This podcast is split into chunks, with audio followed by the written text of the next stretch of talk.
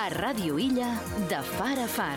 De 8 a 12 i de 3 a 7. Es magazín d'esmatí de Formentera.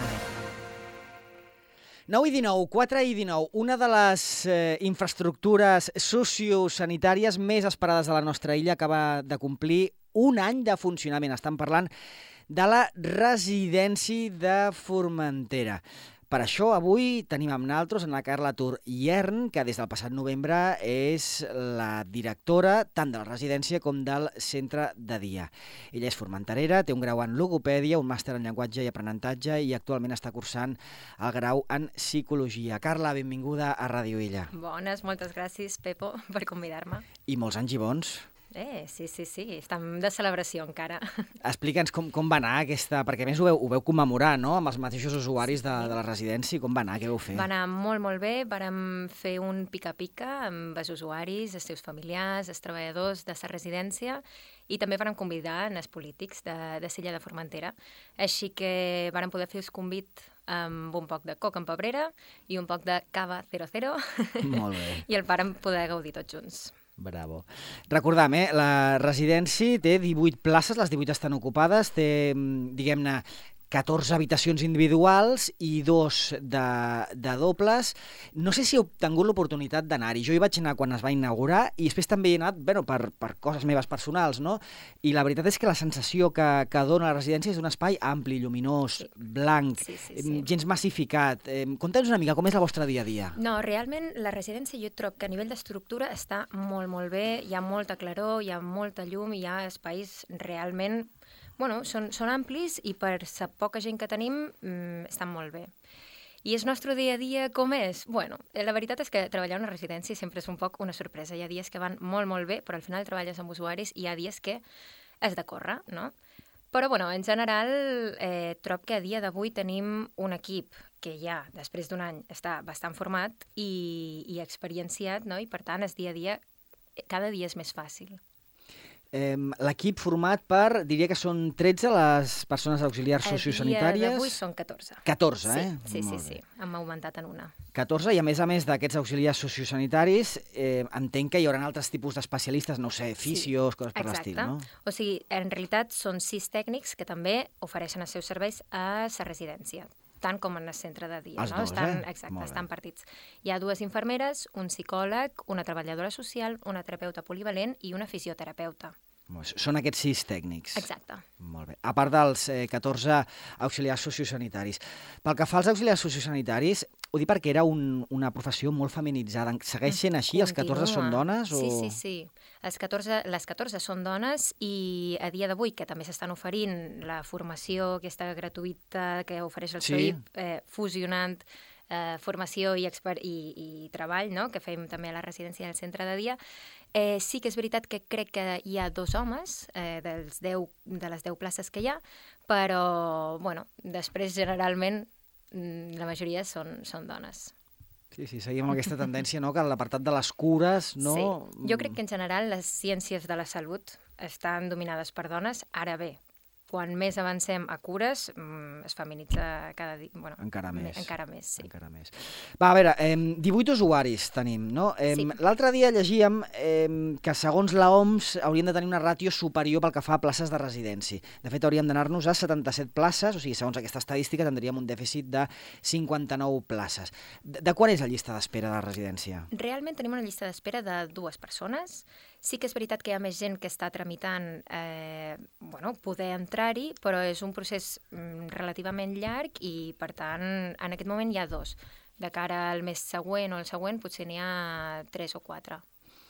Bé, eh, de fet, sabem, perquè quan es va inaugurar ens ho van explicar així els Sí. llavors gestors del Consell, que la residència es pot eh, doblar. Exacte, es pot ampliar no? i podem fer una segona planta. O sigui, pràcticament com, com la mateixa mm, estructura que tenim avui en dia, però en una, en una altra planta a Exacte. sobre. O sigui, es podrien fer el doble d'habitacions. Realment se'n podrien fer 36, bueno, en total 36. Entenc que ara mateix no estem en aquest moment mm, de Bueno, necessitat, o, o sí, no sé. Estan plantejant-se opció. Ah, sí? Realment, eh, més que res, perquè és una residència petita i és una residència, o sigui, no té per què créixer amb el mateix sentit eh, i fer el doble no, de, del que tenim, Mm. sinó que estem explorant més opcions, més necessitats, perquè a dia d'avui la nostra res residència és una residència per majors de 65 anys que tinguin grau 2 o grau 3 de dependència.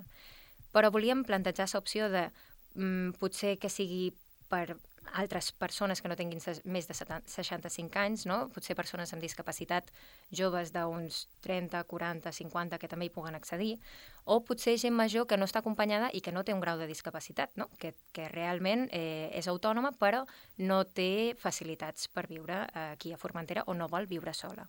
Bueno, estan plantejant totes aquestes opcions que encara, evidentment, no estan definides, però però bueno, mm, per poder ampliar una miqueta més eh, els serveis que donem a l'illa. Explica'ns, tradueix-nos això, que és un grau 2, un grau 3 de, de dependència. doncs mira, aquestes valoracions les fa generalment la treballadora social, especialitzada en dependència, com és la que nosaltres tenim en el centre de dia. No? Ella va als domicilis o les persones venen a casa, o sigui, o venen al, al centre, i és ella qui fa una sèrie de proves i una sèrie de preguntes i valora quina, quin grau de dependència té o no té aquesta persona. No? Eh, hi ha tres graus de dependència, primer, segon, tercer. El tercer és el més greu. Bé. Eh, I d'altra banda, al centre de dia, que com apuntaven a Carla, comparteix serveis, aquests serveis sobretot dels, dels tècnics, que també compta amb, ara mateix amb 18 usuaris, però en canvi la, la capacitat del centre de dia és molt superior i encara aneu sobrats, diguem-ne. Sí. O sigui, nosaltres tenim al centre de dia dos serveis. El servei de majors, que és aquest que compta amb 30 places, i a dia d'avui n'hi ha aproximadament unes 18, i el centre de dia de diversitat funcional, que ara mateix tenim 9 places cobertes, eh, però compta amb 15. Vull dir que aquests dos serveis encara, encara en sobra, que, que pot seguir entrant gent, no? O, o sigui que en el centre de dia podrien haver-hi 45 persones. Sí. D'acord. Sí, Actualment sí, sí. hi ha 18 majors i 9 persones amb diversitat funcional, amb diversitat funcional i podrien haver-n'hi 15. O sigui, aquí de moment encara aneu, sí. aneu bé. Eh? Sí, sí, sí. A veure, també tenim que entendre que amb el tema de, tornant en el tema de les eh, 77 places no, que sí. dèiem de, de Formentera, de la residència de Formentera, tenim que entendre que al final Formentera té un model de convivència familiar, no? O sigui, hi ha bastanta resistència per part dels majors d'anar a una residència i, a part, eh, el model aquest tan familiar implica que els fills cuiden dels pares, no? I això és el que una família mm, vol i espera, a vegades quan envaeix. Clar. Sí, sí, sí. I quan et trobes amb aquest panorama, Carla, d'una persona doncs, que, que no li entra al cap, no? diguem-ne, anar a una residència, però bueno, les circumstàncies a vegades són les que són. Com, com s'explica la realitat que es trobarà? Eh, per, entenc jo per intentar sossegar una mica aquella persona. Sí. Home, nosaltres sempre deixem un període d'adaptació. Vull dir, no tothom té per què adaptar-se, però ni, ni a la residència ni al centre de dia. Vull Està dir, hi ha clar. gent que al final no, no és el seu i té tot el dret del món. De fet, en qualsevol moment tothom podria tornar a casa. Eh? No, no obligam ningú a estar pròpiament a la residència. Mm.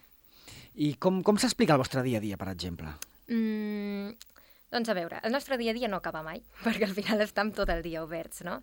Però un dia a dia a la residència pròpiament comença cap a les set i mitja, quan comencem a despertar les persones, eh, amb ses higienes, amb ses dutxes de, de ses persones a qui toca.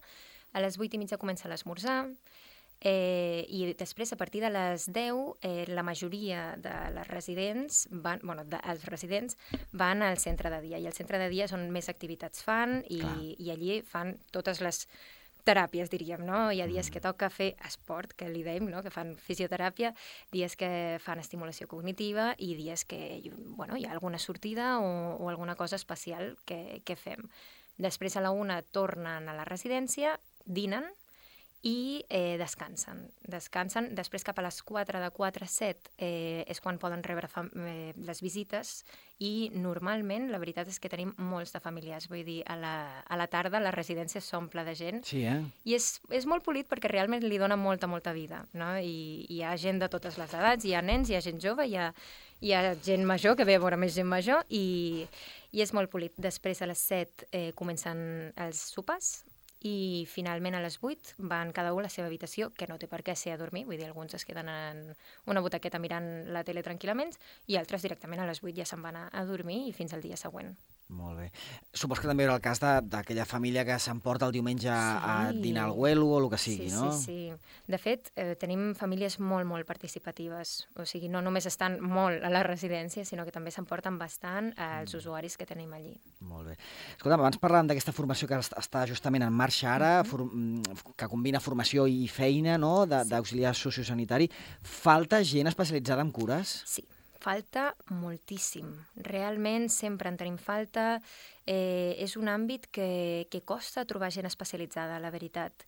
I, i bueno, des d'aquí aprofito per dir que, que realment falta, que si algú està, eh, té aquesta motivació i, i està en busca de feina, sempre és benvingut i a més és un curs que, que et paguen mentre el fas. Vull dir que... No està gens malament, eh? No està gens malament, la veritat. I a més és el que dic, que al final hi ha pràcticament un, una seguretat de que després trobaràs feina de- d'això, que si realment és la teva vocació, endavant. Famílies que s'estiguin plantejant doncs, eh, utilitzar la residència, mm, qui- quines passes han de fer? Doncs el primer és venir a parlar amb la nostra treballadora social. Ella indicarà exactament què és el que es necessita, no? perquè es necessita bastant de, de papileo, direm, entre ells eh, bueno, tenir el, el grau de dependència reconegut, que això d'aquí ho farà la treballadora social si encara no està reconegut, Dos o tres, eh? Dos o tres, exacte. I eh, tenir un informe metge també, on que ens expliqui quina és la condició d'aquesta persona, perquè després nosaltres també tinguem tota la informació per poder tractar-la des de dins. Clar. Tot i això, també hem d'entendre que mm, la residència no és l'únic recurs. Tenim molts més recursos que jo crec que a vegades, o ara que és tan nova la residència, s'han oblidat la resta, però ja tenim un servei d'atenció a domicili, per exemple, on les persones majors que, que tinguin també algun grau de dependència poden venir persones, bueno, eh, auxiliars so- sociosanitàries a casa seva i ajudar-les amb les cures en el seu propi domicili. Tenim el centre de dia, com hem parlat, que tampoc no estem al 100%, Tenim el SPAP, que és un servei de promoció de l'autonomia de l'adult que començarà ara al març, aprofito també per fer difusió, en és que les persones externes poden venir dues horetes al centre de dia de Formentera i aprofitar aquestes teràpies que fem nosaltres amb els nostres usuaris de fisioteràpia, estimulació cognitiva, habilitats socials, eh, etc etc. I també tenim eh, servei de rentadora a persones majors, vull dir, se'ls importa la roba al centre de dia, a les nostres instal·lacions, i allí es renta i es torna, i anem a començar un servei de, de menjar a domicili, també per persones dependents, en és que aquestes persones que no estan accedint a ningú servei, els hi portarem el menjar diàriament per, per poder bueno, assegurar-nos de que el seu, la seva alimentació és la correcta. I, igual alguna persona major que ens està escoltant, que més o menys és autònoma a casa, però sempre requereix una Sí. mica d'ajuda, per exemple, amb aquests dos que, que, que, que has esmentat ara al final, servei de rentadora per a persones majors o servei de menjar, de menjar a domicili per a persones Mhm. majors, què han de fer per intentar aconseguir informació d'això? anar, demanar una cita a benestar social. I a partir de benestar social, nosaltres derivarem a qui pertoca, no? A quin treballador social podria, podria bueno, li encaixaria el servei, no? I, I què és el que necessita i com demanar-ho. És el 1071, Benestar Social? És que el dic de memòria ara. Jo no ho sé, ara mateix. Va, amb això sí que m'has pillat. Ara, ara, ara us el buscarem, no us preocupeu que ara us el, ara us el buscarem. Sí, sí. Eh, d'altra banda, el servei de rentadora a persones majors ja s'està fent? Sí, I quanta gent hi teniu, més o menys? mm, ara mateix ho desconec. Aquí Bé. també m'agafes. I, I pel que fa a menjador a domicili, això encara no ho heu fet, Encara eh? no. Eh, estem en procés de- d'adquirir una furgoneta que ha de ser adaptada perquè al final hem de portar el menjar Clar. en les condicions idònies, no? Clar, clar. Eh, però bueno, això està en procés i, i en breus ja començarem a fer-ho. Així és, recordar-me, perquè el transport de menjar... mm, Sí, no és tan senzill. No, no és, tan, no és tan senzill. Mira, el telèfon és el de serveis socials, el de mm, benestar social, és el mm, 1271. De totes formes, després en el, en el podcast que penjarem la teva entrevista ja l'acabarem de comprovar perquè no, no, no tinc molt clar si és el d'educació social o el de benestar social. D'acord, d'acord, d'acord. Bé, eh, doncs, doncs, Carla, per cert, sobre el tema de l'ampliació de, la, Mhm. de la residència, encara no està clar si per atendre persones eh, majors amb grau de dependència o per persones que no siguin majors de 65, de 65 anys i que siguin dependents o altres supòsits, persones que igual no tenen el grau de dependència però que sí que necessitarien alguna ajuda. Com, com us, com, quin plantejament us feu? O sigui, ja veureu o aquest any o com va això? Eh, a veure, jo crec que és una cosa que ens hem de pensar bé. A mig també... llarg termini. Mm, sí, o sigui, jo crec que més a mig termini, perquè també és una cosa que trobem que fa falta. Tot i que no podem ampliar una cosa, un, un servei sense tampoc assegurar-nos que tindrem qui cobri, cobreixi aquest servei. No? Si a dia d'avui tenim problemes eh, per tenir auxiliars sociosanitàries, per dir alguna cosa, no podem començar eh, a lo grande. Hem d'anar a poc a poc, hem de seguir formant a la gent, hem de tenir una plantilla suficient i a partir d'aquí anar creixent també a poc a poc. No? Per això també quan vaig llegir la notícia de eh, que a Formentera havia, feien falta 77 mm. places... 59. Eh, bueno, sí, en total eren 77, mm. no? O més les que tenim. Les que tenim 18 sí. més 59, 77, D'acord. Sí. Doncs pensava, eh, això d'aquí és una despesa molt, molt gran. Eh, a dia d'avui no fan falta tantes i hem d'anar creixent a poc a poc. El dia de demà segurament sí, no? però, perquè al, al final tenim una població que dia a dia se va envaint, però anem a fer-ho a poc a poc i bé. Molt bé. 1271, eh? Ho confirmem, eh? Ja ho deia bé, ja. Molt bé. No sé, tu 32 12 71, el telèfon de benestar social, per si voleu demanar informació per aquests serveis doncs, que ara s'està posant en marxa, bueno, que ja funciona, el de rentadora per persones majors, o el que es preveu posar en marxa quan? El del menjador? Mm, no et vull dir una data perquè bé, ja sabem que... Bé, bé. El de menjador a domicili també per persones, per persones grans. Doncs res, eh, Carla, moltíssimes gràcies per atendre'ns. Ana Carla Turriern, recordam, nova directora del Centre de Dia i de la Residència des del passat mes de novembre. déu nhi quin repte, eh, Carla? Eh, sí, sí, sí, sí. Però bueno, per ara està sent interessant i hi ha molta, molta feina per fer, així que endavant, a fer-la. Molta sort. Gràcies.